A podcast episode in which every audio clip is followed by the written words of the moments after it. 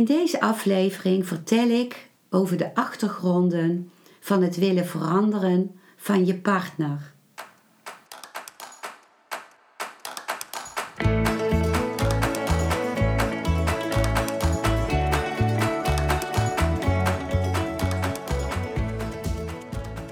Welkom bij een nieuwe aflevering van Modita's podcast Van Pijn naar Zijn. De podcast waarin ik je meeneem voorbij de pijn in je leven naar wie je diep van binnen bent. Hoe kun je beter omgaan met je gevoelens? Hoe vind je rust in je hoofd? Wat zit er precies achter je pijn? En vooral, hoe kun je steeds meer jezelf zijn? Adem eens diep in en uit. Ik wens je veel luisterplezier.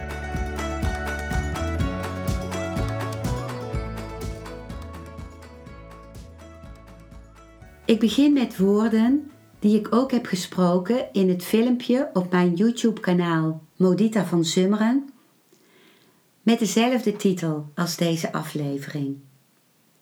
Dus hier komen eerst de woorden van dit filmpje. Wat maakt dat je je partner wil veranderen? In dit filmpje spreek ik vooral over heteroseksuele relaties, omdat ik ook geslachtsgebonden dingen noem.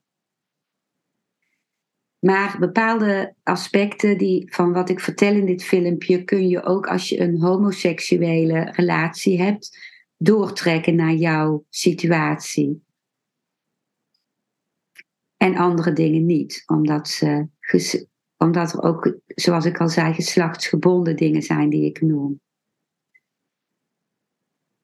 Wat ik bij familieopstellingen heel veel zie, is dat de houding die de man heeft naar de vrouw en die de vrouw heeft naar de man, is doorgegeven door de verschillende generaties. En ook zelfs is doorgegeven door de cultuur. De cultuur is ook steeds aan verandering onderhevig. Ook in de cultuur verandert het man-vrouw patroon voortdurend. Heel lang geleden ehm, was de vrouw dominant, was het een, een matriarchale cultuur. Had de vrouw het in feite voor het zeggen. En in onze cultuur is het meer een, uh, in ieder geval uh, enkele decennia geleden vooral, een patriarchale cultuur. Dus waarin de dominantie bij de man ligt. En dat is ook nu aan het veranderen. Dat is al veranderd door de emancipatie. En de emancipatie is ook in mijn ogen uh, veel te ver doorgetrokken, waardoor er vaak een, een mannenhaat bijna is ontstaan. Of waarbij van de man wordt verwacht dat hij allerlei dingen doet die van de vrouw zijn. Kwaliteiten zou hebben die van de vrouw zijn en die bij een man uh, heel anders zijn. Er zijn gewoon echt biologische verschillen die ook emotionele verschillen geven. Maar wat ik in, dus, in de familieopstellingen zie, is dat er bijvoorbeeld een woede is van de vrouw naar de man, die in feite niks met die man te maken heeft, maar die te maken heeft met een doorgegeven woede van vrouwen op mannen. Door wat er in het verleden generaties terug is gebeurd. In wat de man de vrouw heeft aangedaan. En dat wordt dan door het onderbewustzijn klakkeloos overgenomen. En dat kan heel waardevol zijn om in een familieopstelling te gaan zien van hé, hey, ik draag gewoon als vrouw een mannenhaat in me.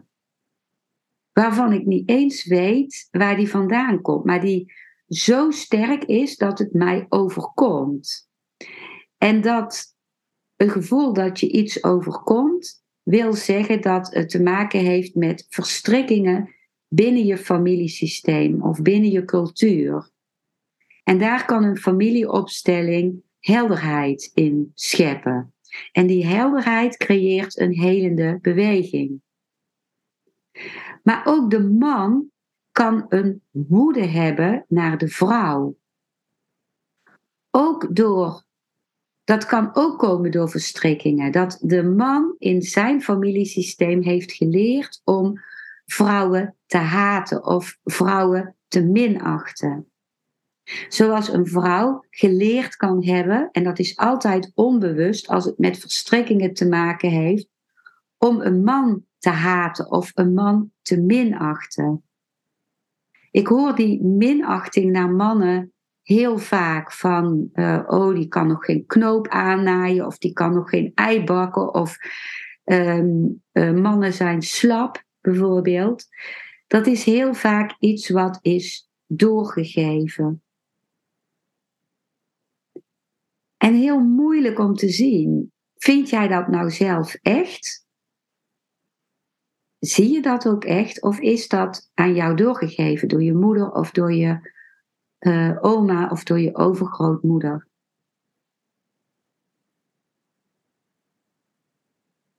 En dat kan uh, uh, heel belangrijk zijn, zowel voor de vrouw als voor de man, om dat te zien en te erkennen. Dan kun je tegen je partner zeggen: Het spijt me, maar ik, uh, ik, mijn woede naar jou is iets wat ik meedraag uit mijn familiesysteem aan woede naar vrouwen. Of mijn minachting voor jou heeft niks met jou te maken, maar is iets wat ik meedraag.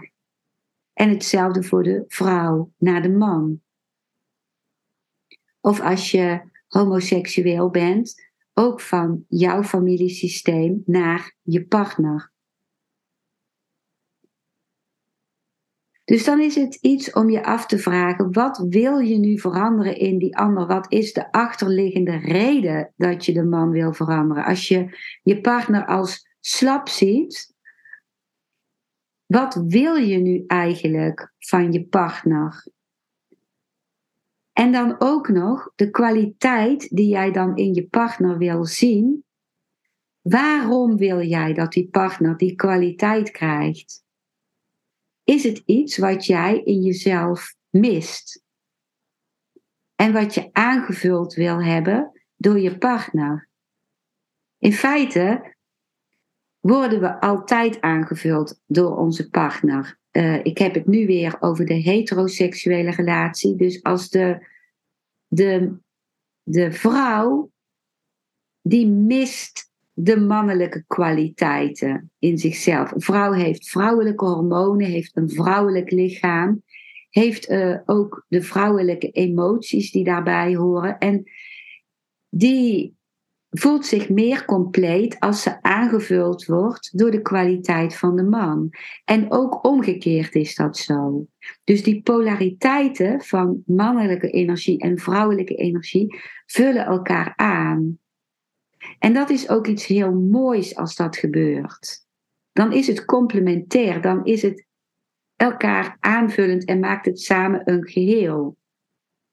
Maar als je van als vrouw van de man gaat verwachten dat hij net als jou dezelfde schakeringen heeft aan emoties en evenveel gevoel laat zien en uh, evenveel praat over zijn gevoelens en uh, even uh, zeer gericht is op het samenbrengen van mensen, wat een kwaliteit is van een vrouw, omdat zij het voor haar belangrijk is dat om haar heen, ook als ze zwanger is en kinderen krijgt, dat daar een geborgenheid is.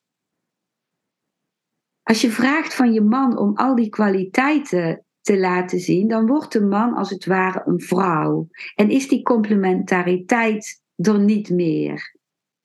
Dan is die aanvulling er niet meer. En bovendien kan die man dat niet, want die heeft een ander systeem, die heeft andere hormonen, een ander lijf. De man is van oorsprong gericht op jagen, op gaan zorgen voor, voor het familiesysteem. En dat zit altijd heel sterk in de man. Ook al gaat de vrouw tegenwoordig ook werken en uh, kan het zelfs zijn dat de vrouw meer werkt dan de man. Dan verschuiven de dynamieken ook weer. Maar dat neemt niet weg dat dat dat vaak ook moeilijk is voor de man. Als de vrouw meer gaat werken en als de vrouw die functie overneemt. Omdat het oorspronkelijk met de man ook verweven is om er te willen staan en te zorgen voor zijn familie. Financieel, qua huis. Dat kan allemaal heel ouderwets klinken wat ik nu zeg in de, ogen van veel mensen, van veel vrouwen die die zich geëmancipeerd voelen in de zin van we moeten gelijk zijn. Maar het is eerder iets wat ik zeg, wat ik zie, wat ik zie gebeuren in, met name ook in de familieopstellingen, wat een harmonieus geheel geeft. En dan is het ook belangrijk om als vrouw uh, te respecteren, de man daarin. Niet zoiets van, oh jij gaat alleen maar naar je werk en je bent alleen maar bezig met geld verdienen. En dat is een devaluatie van de man, van, van zijn bijdrage, van zijn energie, van zijn missie. En ook een, een ontwaarding van alle energie die hij die, die daaraan geeft. Hoe belangrijk is het dat er de veiligheid is van een inkomen en dat er iemand is die, uh, die ervoor wil zorgen dat het gezin uh, financieel staat. En daarmee uh, devalueer ik niet een vrouw haar bijdrage in het werk en het ook binnenbrengen van geld. En dat ook nog doen naast de zorg voor haar gezin. Maar de vraag is, als je je partner zo verandert zoals jij je partner zou willen zien, of het echt iets zou bijdragen aan jou, of houdt het je weg bij wat je in jezelf te ontwikkelen hebt. Stel dat jij helemaal bloeit in jouw kwaliteiten, in uh, dat je staat als vrouw of staat als man met wat jij wil geven aan het leven, wat jij wil geven aan een partner. En de ander, jouw partner, staat ook echt in zichzelf. In die zin dat je in de zin van vervulling niks van elkaar nodig hebt, maar alleen maar deelt wat er is aan overvloed. Dan kun je gaan waarderen het mooie van dat jouw partner anders is dan jij. En ook het pijnlijke soms van, oh die partner is anders, dus ik ben alleen in, ik word soms niet begrepen in mijn dingen. En kan ik dan blijven staan als ik niet begrepen word? Of als, uh, als ik een emotie heb en de ander gaat daar niet op in. Ik ken ook het verlangen hoor, dat de ander ingaat op mijn emoties en op mijn gevoelens en op wat ik vertel. Dat geeft een hele diepe pijn als dat niet gebeurt. En die pijn heeft te maken met vroeger, dat het vroeger niet gebeurde. Als het vroeger niet gebeurde. En dan zit daar het verlangen achter dat alsnog ingevuld willen hebben door mijn partner. Maar daardoor zie ik niet dat mijn partner mijn vader of moeder niet is.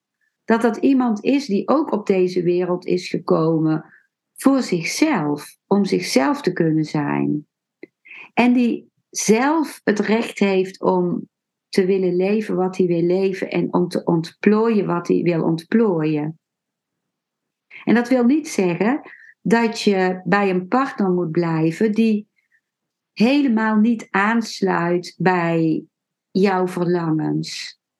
Dan kun je dat duidelijk maken van oké, ik, ik, uh, ik waardeer de tijd die ik met je heb gehad, maar ik voel dat ik zo niet verder wil. Dat, er, dat ik iets anders zoek, iemand die beter aansluit bij mij.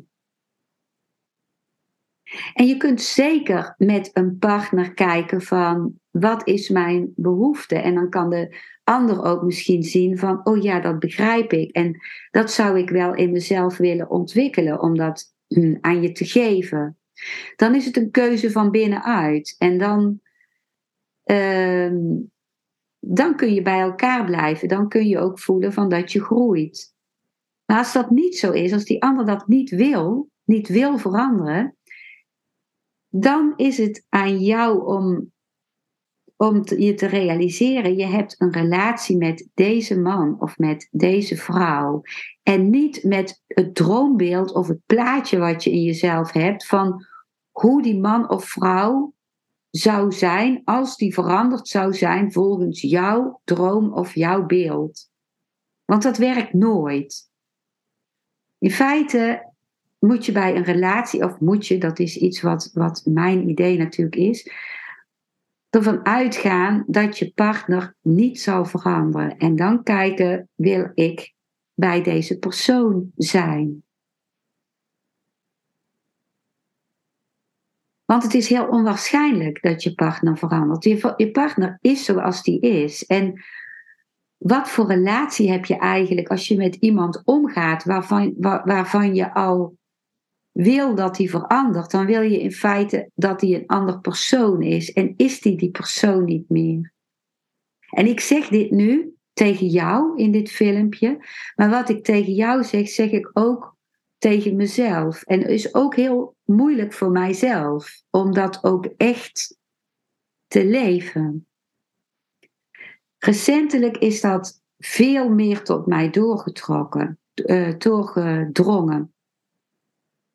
En zie ik de vrijheid van de man van wie ik hou. En ook het, het verlangen zichzelf te zijn. En voel ik ook dat ik alleen maar kan houden van hem als ik dat uh, daarvan hou. En dat kan alleen als ik ook helemaal van mezelf hou en van mijn vrijheid. En dan zie ik zelfs dat een relatie aan zich al heel vaak beperkend is, om, alleen al omdat het als een relatie gezien wordt of benoemd wordt. De commitment aan elkaar kan meer diepgang geven, maar kan ook beperken. Kan een soort voorschrift worden naar elkaar toe. We hebben een relatie dus. In die zin ben ik het eens met mijn spirituele meester Osho, dat hij zegt dat, een, dat vriendschap verder gaat en dieper gaat dan een relatie. Omdat je bij een vriendschap elkaar vrij laat. Het kan ook zijn, dat is heel vaak zo, dat je een partner onbewust wil veranderen zodat hij zal worden als je een vrouw bent, als jouw vader of als je een man bent als jouw moeder. Heel vaak wordt in een relatie de partner verwacht met de ouder. En daar zit dan onder dat je een loyaliteit wilt behouden naar je vader of je moeder. Of dat je je vader of moeder niet los kunt laten. Als kind heb, heb je heel vaak een fantasie dat je vader of je moeder je partner is. En in de familieopstellingen zie ik ook vaak dat iemand die gaat dan in de familieopstelling, gaat een vrouw naast haar vader staan en staat de moeder ergens heel ver weg. Of gaat de man naast zijn moeder staan en staat zijn vader ergens heel ver weg. Wat je dan in de familieopstelling ziet, is dat het kind zich is gaan gedragen als de partner van de ouder. En het gevoel heeft dat hij een betere partner is voor de ouder dan de eigen partner van de ouder. En dat is dan zo in het familiesysteem ontstaan ook. Waar de vader en moeder in feite elkaar aan moeten kijken en ook uh, de confrontatie met elkaar aan moeten gaan als er een confrontatie is, gaan ze daarvan weg door hun kind toe te staan in de positie van hunzelf naast hun partner te staan. Dus achter het willen veranderen van je partner kunnen zoveel dingen ten grondslag liggen. En daar is zelfonderzoek voor nodig. En het zelfonderzoek kan pas ontstaan als je niet eerst naar buiten bent gericht om je partner te veranderen, maar in de eerste plaats naar jezelf gericht bent. Wat is er bij mij? Welke behoefte is niet vervuld? Wat wordt er in mij gefrustreerd? Welke pijn wordt aangeraakt? Dus bijna altijd gerelateerd aan iets wat eerder in je leven is gebeurd. En nogmaals, een familieopstelling kan heel veel helderheid, inzicht en mogelijk een nieuwe beweging geven. Dit waren de woorden van mijn YouTube-filmpje. Ik wil nu een, leuke zin delen met je van mijn uh, opleider van familieopstellingen, Swagito Liebermeister. Die zei op een gegeven moment in de opleiding: De vrouw wil de man veranderen en de man wil dat niet. En de man wil dat de vrouw niet verandert en de vrouw wil juist veranderen. Ik moest daar heel erg om lachen, omdat ik daar iets in herkende. Dat ik uh, in mijn relaties wil, uh, dingen wil blijven veranderen. Van, omdat ik dan voel dat ik blijf groeien als dingen veranderen. Terwijl ik dan vaak merkte dat een man het bij het oude wilde houden, bij hoe het was. Dat hij zich daar veilig bij voelde. En natuurlijk is dat een generalisatie hoor. Dat, dat, dat geldt zeker niet voor elke man. En wat ik zeg geldt ook niet voor elke vrouw. Natuurlijk niet.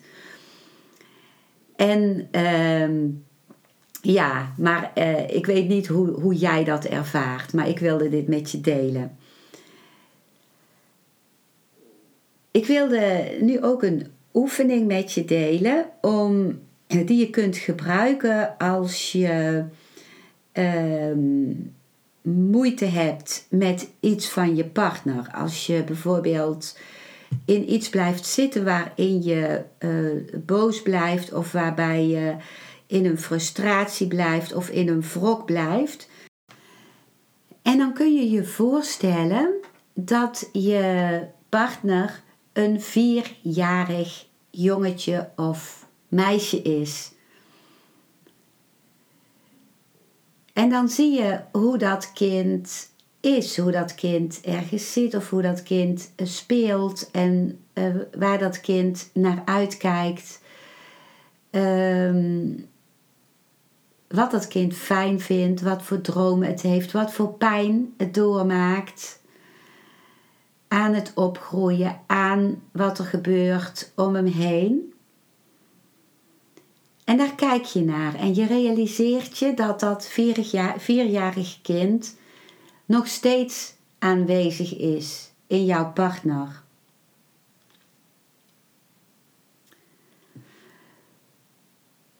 Een tweede oefening die ik met je wil delen is een oefening uh, die eigenlijk vooral bestemd is voor vrouwen.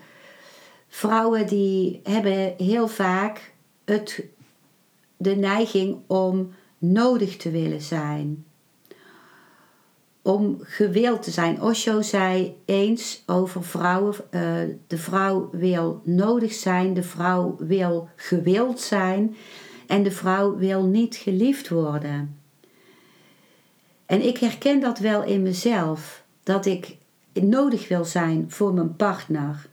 Bijna soms een moeder wordt voor mijn partner. En niet kan geloven dat de partner gewoon van mij houdt zoals ik ben. Op een gelijkwaardig niveau. Zonder dat ik uh, nodig hoef te zijn. En hoe moeilijk het dan is om dat te ontvangen. Om dat te ontvangen. Gewoon geliefd worden zoals ik al ben. En een oefening kan zijn dat je je voorstelt dat je als vrouw dat jouw partner op een podium zit en dat de schijnwerpers op je partner gericht zijn en dat die heel gelukkig is.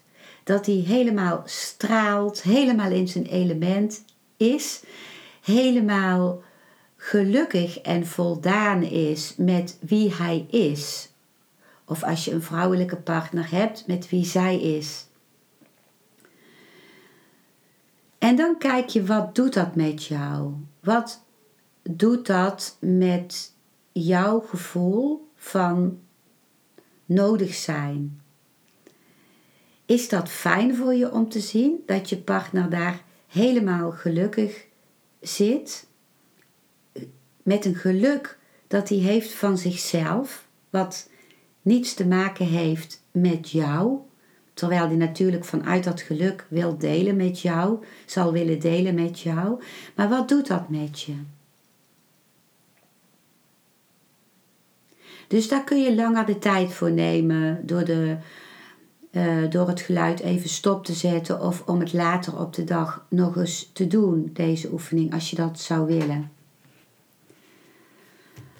Als laatste lees ik nog een stukje voor uit de Osho Zen Tarot. Uh, bij, en dat, dat is een stukje um, dat hoort bij de Zen Tarot kaart friendliness, dus vriendelijkheid. En eerst komt er een klein stukje van Deva Padma. Deva Padma heeft deze prachtige kaarten geschilderd. En ik vertaal dat ter plekke in het Nederlands. Nu. Dus het plaatje wat zij geschilderd heeft, dat zijn twee bomen. Twee verschillende bomen. Met twee verschillende kleuren ook. Die naast elkaar staan. En waarvan de takken met elkaar, uh, aan de kant waarmee ze elkaar raken, de takken met elkaar verstrengeld zijn of door elkaar heen gaan van beide bomen. En de rest van de boom staat op zichzelf. De rest van beide bomen. Dus hier komt de tekst van Deva Padma. De takken van deze twee bloesemende bomen, die zitten door elkaar heen aan de kant waar ze elkaar raken. En hun uh, blaadjes die gevallen zijn, de bloemblaadjes die gevallen zijn, die komen samen op de grond in deze prachtige kleuren. Het is alsof hemel en aarde uh, samen een, uh, met een brug verbonden zijn. Een brug van liefde. Maar de bomen staan daar individueel. Elk geworteld in de bodem van hun eigen verbinding met de aarde. Op deze manier vertegenwoordigen ze de essentie van ware vrienden. Rijp, gemakkelijk met elkaar, natuurlijk. Er is geen urgentie over hun verbinding. Geen elkaar nodig hebben, geen verlangen om de ander te veranderen in iets anders. En bij deze kaart zijn ook woorden van Osho toegevoegd. Die lees ik nu voor.